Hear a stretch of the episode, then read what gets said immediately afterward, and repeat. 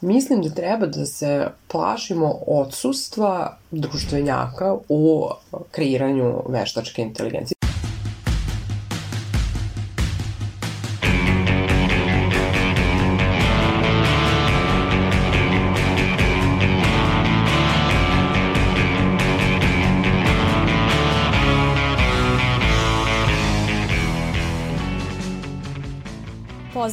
Slušate podcast Reaguj nezavisnog društva novinara Vojvodine.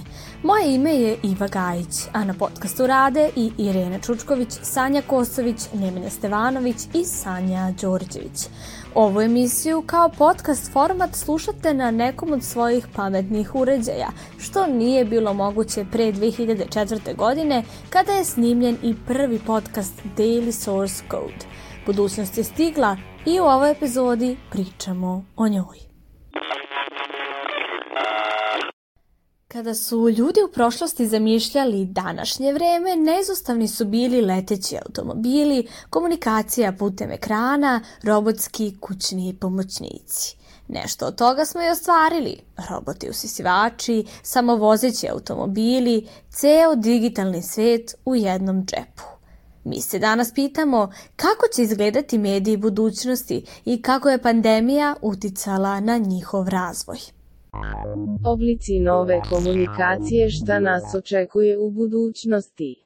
Organizacije masovnih medija biće sve manje i manje i sve više specijalizovane za neku temu i neku publiku, objašnjava profesorka na Filozofskom fakultetu u Novom Sadu Jelena Kleut. Mislim da, evo sad ako, ako razgovaramo o mas medijskim organizacijama, njih će biti sve manje i one će biti sve manje. To već vidimo jedan vrlo, vrlo jasan, jasan uh, trend kojem onda i pojava određenih žanrova uh, lepo pogodu. Tako za podcast vam treba relativno malo resursa i dve osobe ili jedna osoba koja može da iznese taj sadržaj. Dakle, televizija će i dalje da traži glomaznu, glomaznu uh, produkciju, ali pariraju je polako ovaj, sve, sve ove stvari. Tako da, ja mislim da će te organizacije, osim one baš najveće i posebno one globalne, one će naravno preživeti, a ove srednje tu mislim da, da će se nešto drugo ovaj, dešavati, da to već vidimo da se jako rasitnja te zapravo danas imate niz novinara koji su i svoji mediji, koji imaju svoje informativne uh, blogove i da dodam i po kvalitetu mogu da pariraju nekim daleko većim medijima. Kada je reč o napredovanju tehnologije i novinarstvu, mobilni telefoni su neizostavni u priči. Pametne sprave danas ne služe samo za puku komunikaciju, već i za stvaranje ozbiljnih novinarskih priča. Ipak, tako su se neki novinari pronašli u novim i složenijim ulogama. Ulogama snimatelja i montažera. Novinarka Sanja Kljajić bavi se već godinama, između ostalog i mođo, odnosno mobilnim novinarstvom. Ona za reagu i objašnjava da je mobilno novinarstvo one man ili woman show, te da se novinar novinar ili novinarka u toj situaciji mora fokusirati na mnoštvo stvari koje podrazumevaju produkciju nekog medijskog sadržaja. Dakle, nažalost, ne radi se samo, e, ni samo o tehnici i priči, već se radi o tome da istovremeno morate, kad ste one man show, da mislite prvo naravno na priču, na sadržaj, na pitanje sagovornika, kako ste ga ukadrirali, da li je slika u redu, da li je u redu to, ove, ekspozicija, fokus, e, da li je zvuk dobar jer nekada može slika da bude dobra ako nemate ton, opet je e, materijal koji je neupotrebljiv, ali ono što se e, često zaboravlja morate da mislite i gde je lokacija ovaj, kude idete, da li znate put, e, da li ste sa svima sve dogovorili, u kom se kafiću nalazite i zapravo sve to morate u isto vreme da radite i da se trudite da, da priča ne izgubi na vrednosti ili da, da vam ne promakne pitanje e, ili sadržaj koji bi trebalo jel, da bude na prvom mestu. A to je jako teško i mm. najčešće, i mislim da je to možda i najveći nedostatak, to ne samo moć novinarstva ili video novinarstva, ali uh, one man show koncepta, to što na kraju e, na kvalitetu najviše gubi priča, odnosno sadržaj. Iako deluje kao da idemo u smeru da redakcija može da stane u jedan mobilni uređaj, Sanja Kljajić smatra da kada su u pitanju kvalitetne novinarske priče, to ipak nije moguće jer trpi sadržaj. Dakle, vidimo da su uh, novinarske priče značajno slabije kvaliteta ukoliko je cela redakcija jedan telefon. Nije samo onda više ni pitanje da imate nekoga na terenu s kim možete da radite fizički, da, da delite posao, već e, kao autor nekog sadržaja morate se nekim da razgovarate. Potreban vam je urednik, potreban je kolega, potreban je ne, neko s kim možete da pričate o tome šta ste videli, čuli, da li ste nešto propustili, da li je možda još neki aspekt priče važan, fali vam još jedan par očiju makar da vidi sliku oko vas, da primeti neki detalj, da vidi šta se dešava, kako drugi ljudi reaguju dok vi ovaj, radite intervju. Dakle, može, mislim da kraju sve se može, ali će trpeti kvalitet. Profesor na Fakultetu dramskih umetnosti u Beogradu, Branko Sujić, između ostalih predmeta predaje jedan pod nazivom Virtuelna stvarnost. Baš zato pitali smo ga kako misli da će se mediji razvijati u polju virtuelne realnosti u budućnosti. Pa moj utisak je da će se virtualna i, ili digitalna stvarnost i ova stvarnost pomešati. A, one su se u velikoj meri već pomešale a, u smislu privatni život je postao javni. Internet i televizija su postali jedno, odnosno internet je postao televizija, televizija je postala internet i sve teži u stvari sve većem mešanju. U tom smislu virtualna stvarnost će omogućiti da a, u taj svet uđemo ne preko više ekrana koje ćemo gledati u realnom prostoru, nego ćemo u stvari proći kroz ekran. Kroz tu ivicu platna u stvari ući ćemo u taj prostor. I taj prostor će kroz istu tu, isti taj ekran izaći napolje. U tom smislu pomešat će se stvari koje su virtualne sa realnim svetom. Imate tri neke osnovne podele, sve je extended reality, odnosno XR. Savršen prevod za to bi bio proširena stvarnost i ja mislim da bi pod proširenom stvarnošću trebalo to da se smatra. XR, odnosno cross reality ili extended reality. Znači pod XR-om imate VR, virtualnu stvarnost, uh, augmented reality i mixed reality. Svi ti oblici su u stvari mogućnost mešanja ili samo upražnjavanja virtualnog i realnog sveta. Sujić kaže da se dvodimenzionalne slike uskoro neće koristiti, odnosno da će se njihova primjena skroz promeniti. Kako će izgledati te stvari u budućnosti, moj utisak je da će se sve uliti u taj jedan medij i postojati pod njegovim okriljem. U smislu 2D, ono što sada imamo mogućnost da iskusimo kao virtualni svet je uglavnom preko digitalnih ekrana, a u stvari mislim da će se to promeniti. Znači 2D slika će praktično postojati unutar nekog 3D okruženja i verovatno će sve manje i manje sadržaja se prenositi upravo nekom 2D slikom, da kažem. Ono što će se takođe promeniti jeste i marketing, odnosno promovisanje sadržaja za svakog od nas. Kako Sujić objašnjava, reklamiranje sadržaja u virtuelnom svetu bit će prilagođeno svakome po naosob. Moj utisak je da ćete imati mogućnost da promenite stvarnost i da je kreirate po svojoj želji. U tom smislu, ja se sećam trenutka kada smo imali mogućnost da kupimo naočare obične, koje samo promene boju. Pa ste imali kao ljubičast svet ili žut svet. U tom smislu, uskoro ćete imati naočare koje ćete takođe moći da promenite boju, ali moćete da promenite vjerojatno i doba dana. I moćete da se u okviru realnog sveta nađete u, da kažemo, virtualnom, odnosno hyper reality-u. Virtualni svet će se mapirati preko realnog. U tom nekom smislu to bi moglo da izgleda kao da jednog dana odlučite da skinete neku aplikaciju ili igru, pa sad izaberete na storu svašta šta vam je interesantno, na primjer Korto Malteze, i u okviru te igre možete se naći u bilo kom delu, da kažemo, sveta, vremena, epohe, veka, i u okviru tog sveta, ne znam, automobili će biti čamci, a ulice će biti reke, znate i u takvom jednom svetu naći ćete neki, neku cediljicu možda na podu na kojoj će biti poruka samo za vas. Idite, ne znam, tamo i tamo jer već znaju da možda idete tamo i tamo, pa ćete tamo dobiti nešto drugo. U tom smislu izmešat će se digitalni ili virtualni svet sa realnim, ali izmešat će se i igra i realan život moćete da živite na neki način u okviru određene igre koja će sve vreme teći. U takvom jednom svetu sigurno ako ste skinuli aplikaciju za džabe na, na billboardima ili na bilo koji način da to bude izgledalo, imaćete jednu vrstu reklame. Znači, porukica će vas možda odvesti u neki kafić koji je svetski poznat. Ićete, ne znam, u Costa Coffee ili Starbucks ili već, nije ni važno. Ono što Sujić podvlači jeste činjenica da se već danas svako od nas susreće sa različitim sadržajem, te da je virtualni svet na neki način već prisutan samo u manjem obliku od onog u budućnosti. Svet je već drugačiji za sve nas i jako mnogo stvari i u današnjem svetu je iluzija. U tom smislu pitanje je gde je ta granica. Da li su stvari koje su realan svet, deo iluzije isto kao i, i virtualni. I da li već virtualni svet postoji kao takav u okviru svih e, aplikacija, ekrana i svega, zašto bismo virtualnim svetom zvali samo onaj koji smo obavili oko sebe 360, a već gledamo kroz prozor u njega, da? Koliko često čitate obaveštenje pri instaliranju aplikacije pre nego što kliknete prihvata? Redko, je li da? Baš pitanje privatnosti i zaštita podataka jeste ono što Sujić ističe kao najveći problem virtualne stvarnosti.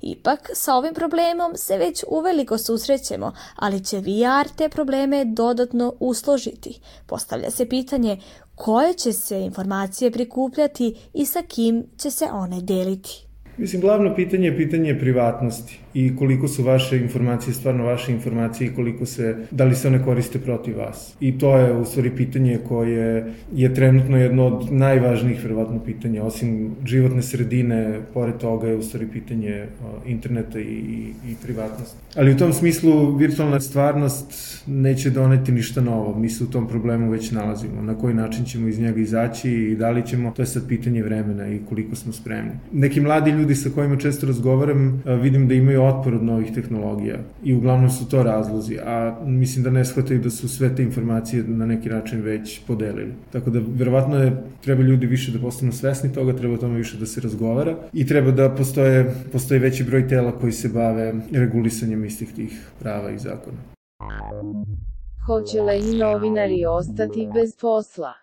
Kao što smo rekli, razvoj tehnologije omogućilo je i ekonomisanje radnicima, pa je umesto čitavog kombija sada potrebna samo jedna osoba koja može snimiti video priču. Mada su neki novinari danas upravo zbog toga dobili dve nove uloge, plate su ipak ostale iste. Samim tim Sanja Kljajić mobilno novinarstvo u budućnosti ne vidi kao potpuno zamenu za obično novinarstvo, već kao nešto što će se raditi isključivo u hitnim slučajevima. Sanja Kljajić objašnjava da ipak postoje neke situacije kada je mobilno novinarstvo možda i bolja opcija od regularnog televizijskog. Ono što telefon može i što gde jedan telefon može da stane čitava redakcija jesu male priče na terenu sa običnim ljudima koje možete da se pri, približite koje e, mnogo bolje reaguju na telefon nego na veliku kameru, imaju manju kremu jer e, telefonom već svi povezani, već im je to ovaj, se odomaćio kao, kao uređaj ali s druge strane e, velike teme, kažem, temu politiku i velike protokole je apsolutno nemoguće ispratiti samo mobilno telefon. Mada mobilno novinarstvo po svemu sudeći neće preovladati samo novinarstvo, Sanja Kljajić smatra da ono ipak ima mnogo prednosti, a donosi i mogućnosti, posebno za novinare bez stalnog angažmana.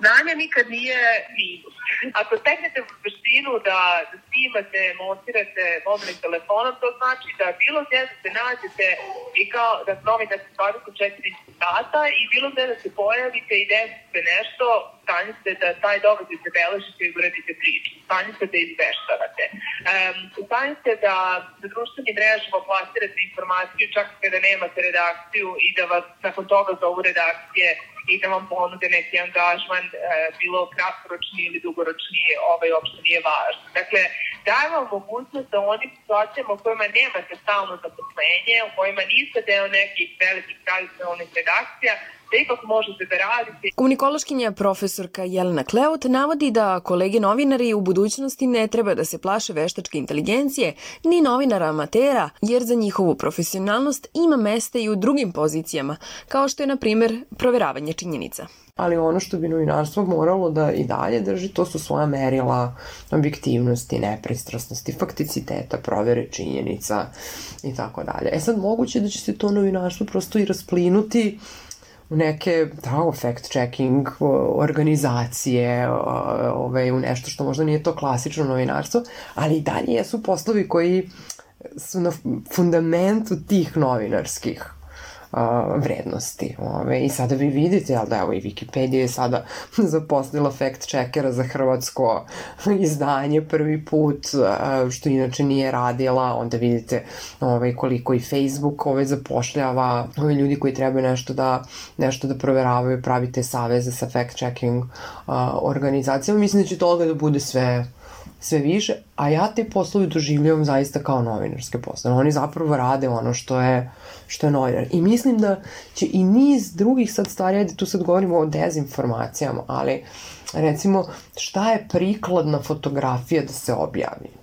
To je nešto što novinari i urednici odlučuju, imaju stogodišnje i duže iskustvo odlučivanja, da li ova fotografija ne primere, na nju neću objaviti, ova fotografija je primere. Dakle, mislim da će i u tim raznim drugim, da li je neki izraz govor mržnje ili nije, gde je, gra... dakle, o tim svim stvarima je novinarstvo naučilo da pregovara između sebe u zajednici, napravo neke etičke, dakle, ja mislim da je to jedan koristan skup znanja koji će nam za sad niz drugih stvari trebati ne samo za ono, pisanje vesti i izveštaje u tradicionalnim masovnim medijima. Fact-checkerka Darija Stjepić iz Novosadske novinarske škole slaže se sa profesorkom Kleut. Novinarska profesija neće ostati ista. Mislim da će uloga novinara i u budućnosti biti važna i neophodna zapravo za jedno društvo kao što to, kao što to slučaj i danas. Međutim, jasno je svakako i već sada da se na neki način posao novinara menja kroz godine i primetno je već koliko jedan novinar danas vrlo često mora da bude sam sebi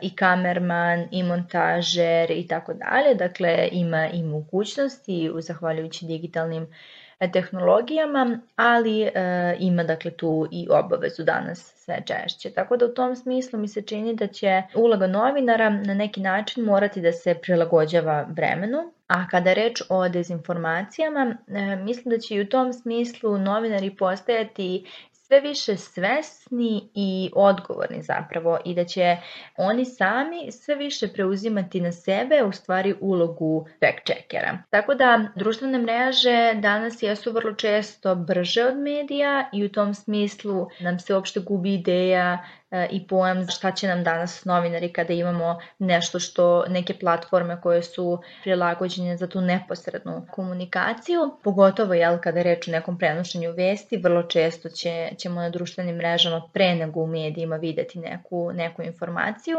ali ipak dakle čini mi se da su e, novinarska odgovornost i neki profesionalni standardi i dalje nešto što je ipak samo rezervisano za medije. Strah kod kolega novinarki i novinara javila se kada je puštena vest da će veštačka inteligencija za neke sajtove generisati vesti. Ipak stručnjakinja za veštačku inteligenciju, doktorantkinja ove oblasti na Francuskom univerzitetu Sorbona, Anja Janković za podcast Reagu i kaže da novinari ne treba da brinu. Ono što veštačka inteligencija može da napiše kao vesti jesu statistika, neke vesti iz sporta, sa berze, ali definitivno ne i autorske tekstove. Naša sagonica kaže da to i nije cilj veštačke inteligencije cilj veštačke inteligencije nije da zameni bilo koju profesiju, naročito u oblasti kulture, umetnosti i tako dalje, gde je čovek ipak glavni, krucijalni faktor cilj veštačke inteligencije eventualno u tim sferama da pomogne u automatizovanju nekih određenih zadataka, ali to ne znači da će veštačka inteligencija verovatno ikad potpuno da zameni vašu profesiju, tako da bez brige. Jedan od problema koje bi veštačka inteligencija imala u novinarstvu, navodi naša sagovnica, jeste i problem provere činjenica. Veštačka inteligencija je daleko od toga da može da proverava činjenice, to jest onaj fact checking. Dakle, to je jedna, jedan task koji je za sada potpuno nemoguć za bilo kog bota ili za bilo koju, ne znam, bilo koji model mašinskog učenja ili šta znam. Tako da ne, mislim da ne treba uopšte da se plašite da će to doći. Ne ni u skorije vreme, a vrlo verovatno i za našeg života ne, svakako. Sa druge strane, veštačka inteligencija ne može ono što neke koleginici i kolege rade, a to je eufemistički rečeno za obilaženje istine. Anja Janković kaže da može doći do greške, ali to zavisi od ljudskog faktora. Bitno je definisati šta tačno znači lagati. Misli na namerno obmanjivanje, ne zato što tu ne, svakako u, u samoj veštačkoj inteligenciji ne postoji nikakva namera. Dakle, da bi postojala namera mora postoji svest o stvarnosti u kojoj se svi mi nalazimo samim tim i ta veštačka inteligencija. Tako da namerno laganje za sada nije opcija. Može da slaže u smislu da pogrešno nešto predvidi ili izračuna ili predloži ili šta god, ali to sve zavisi od toga kako je veštačka inteligencija naučena, to jest istrenirana, a to opet zavisi od ljudi koji stoje iza nje. I još jedan od problema koji stručnjakinja za veštačku inteligenciju ističe u bavljanju veštačke inteligencije novinarstvom jeste i to što za sada mašinsko učenje ne obuhvata i bitnu razliku između ljudi i mašina, a to su analogije kako možemo da suštinu neke situacije ili nekog događaja ili bilo, bilo čega što mi kao ljudi percipiramo, kako to možemo da mapiramo na neku drugu situaciju, da uspostavimo tu abstraktnu vezu i da kažemo aha, pa to već znam iz te i te situacije ili to sam već vidio ili to mi liči na to. To veštačka inteligencija uopšte jako je daleko od toga. E, naučnici trenutno rade upravo na tome da, da približe mašinske reprezentacije, analogije kako mi znamo kao ljudi, ali mislim da je to jako, jako dug i neizvestan put. Nismo mi još uvek u takvoj stvarnosti. Dakle, jasno je istakla Anja Janković da veštačka inteligencija za našeg vremena sigurno neće moći da zameni novinare i da je pitanje da li će nekada moći. Tako da ne postoji ni mogućnost da veštačka inteligencija bude samosvesna, ističe ona, kao što viđamo u naučno-fantastičnim filmovima. Da li je strah od veštačke inteligencije opere AVD-ane? Popularna kultura nas je još 80-ih upozoravala na opasnost od veštačke inteligencije kroz filmove kao što je Terminator. Iako putovanje kroz vreme još ne postoji, super računar Deep Blue je već 90-ih pobedio najboljeg igrača šaha na svetu, Garija Kasparova. Profesorka Kleut navodi da za strah od veštačke inteligencije ima osnova, samo ako u njenom razvoju nema društvenih naučnika.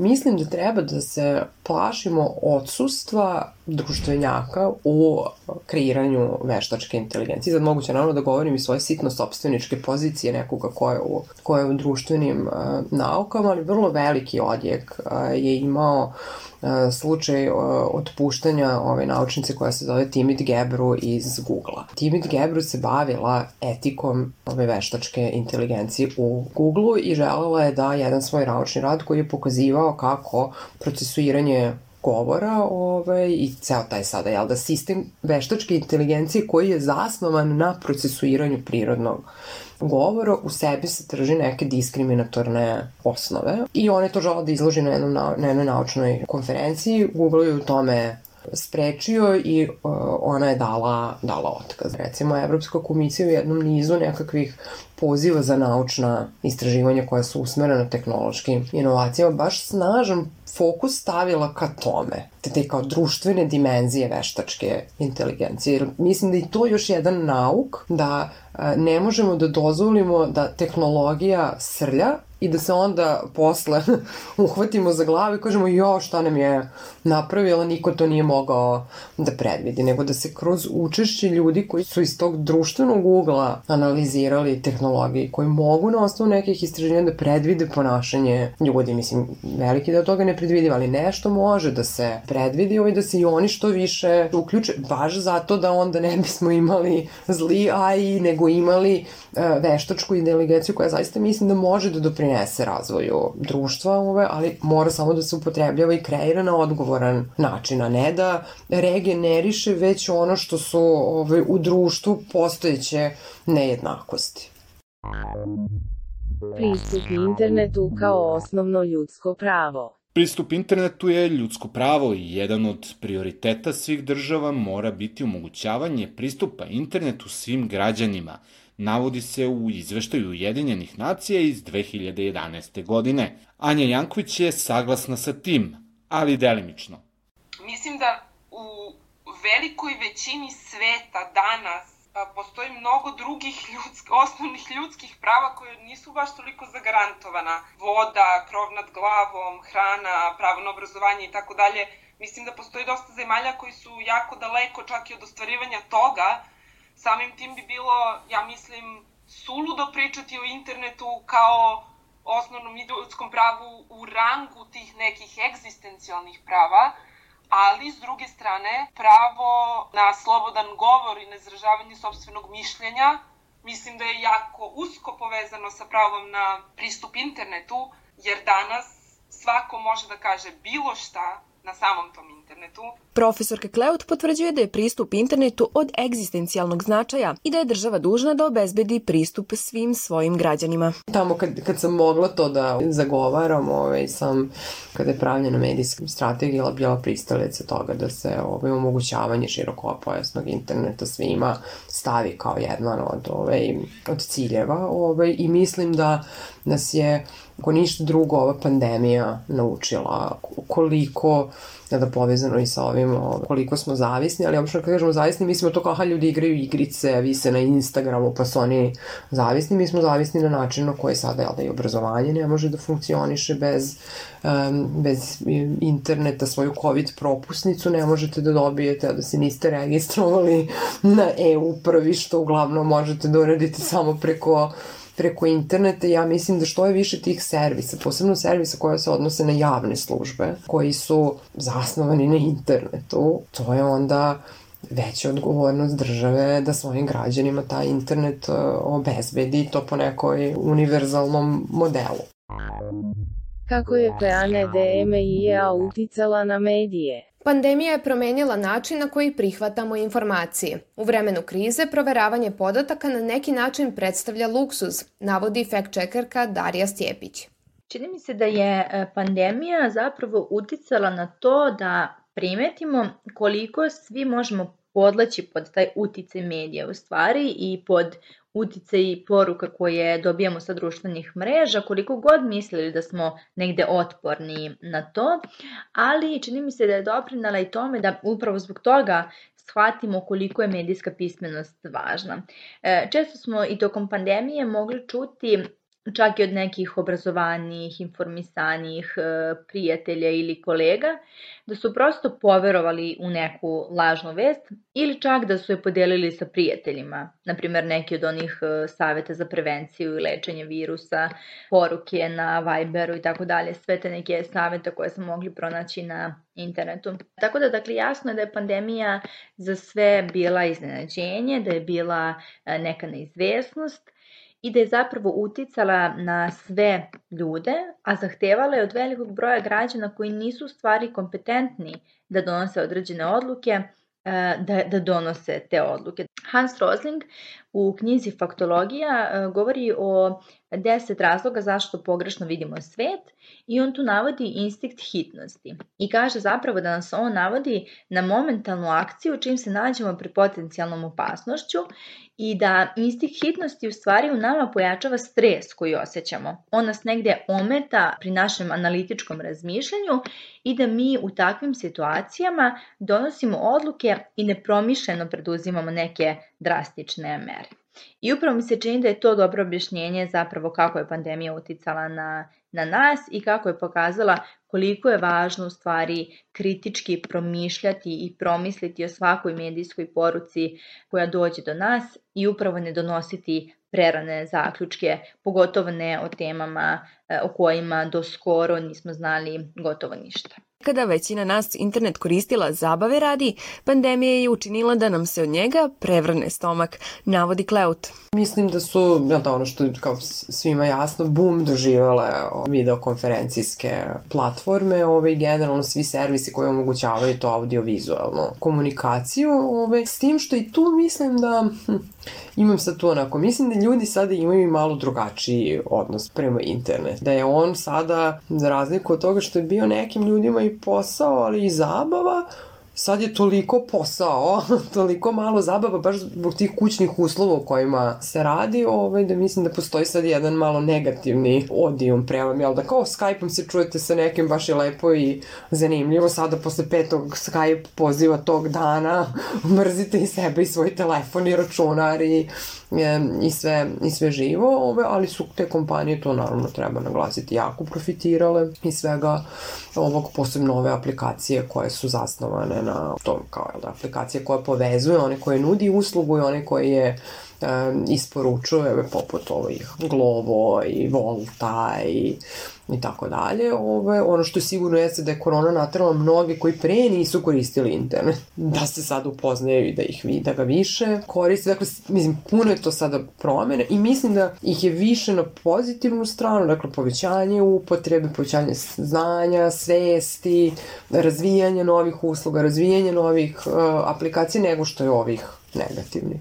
Jedan od glavnih razloga bez uspešnosti suzbijanja pandemija leži u medijskom mraku i nepoverenju građana u institucije, i to ne samo kod nas. Izvesno je da će u budućnosti biti kriza, ali odgovornost je na svima, navodi Sjepić. Mislim da je odgovornost zapravo na svima nama. Na građanima je ta odgovornost da zapravo ne veruju slepo svemu što e, vide i što pročitaju, nego da svaku informaciju na neki način kritički preispitaju, ali takođe i da ne budu skeptični prema baš svakoj informaciji koja dođe iz zvaničnih izvora ili iz medija samo zato što je ta informacija došla e, iz tog izvora, dakle to nužno ne mora značiti da, da je ona e, netačna ili, ili pogrešna. Sa druge strane, mediji imaju veliku odgovornost svakako, a to je da pre svega javnosti objašnjavaju stvarnost kojoj svedoče.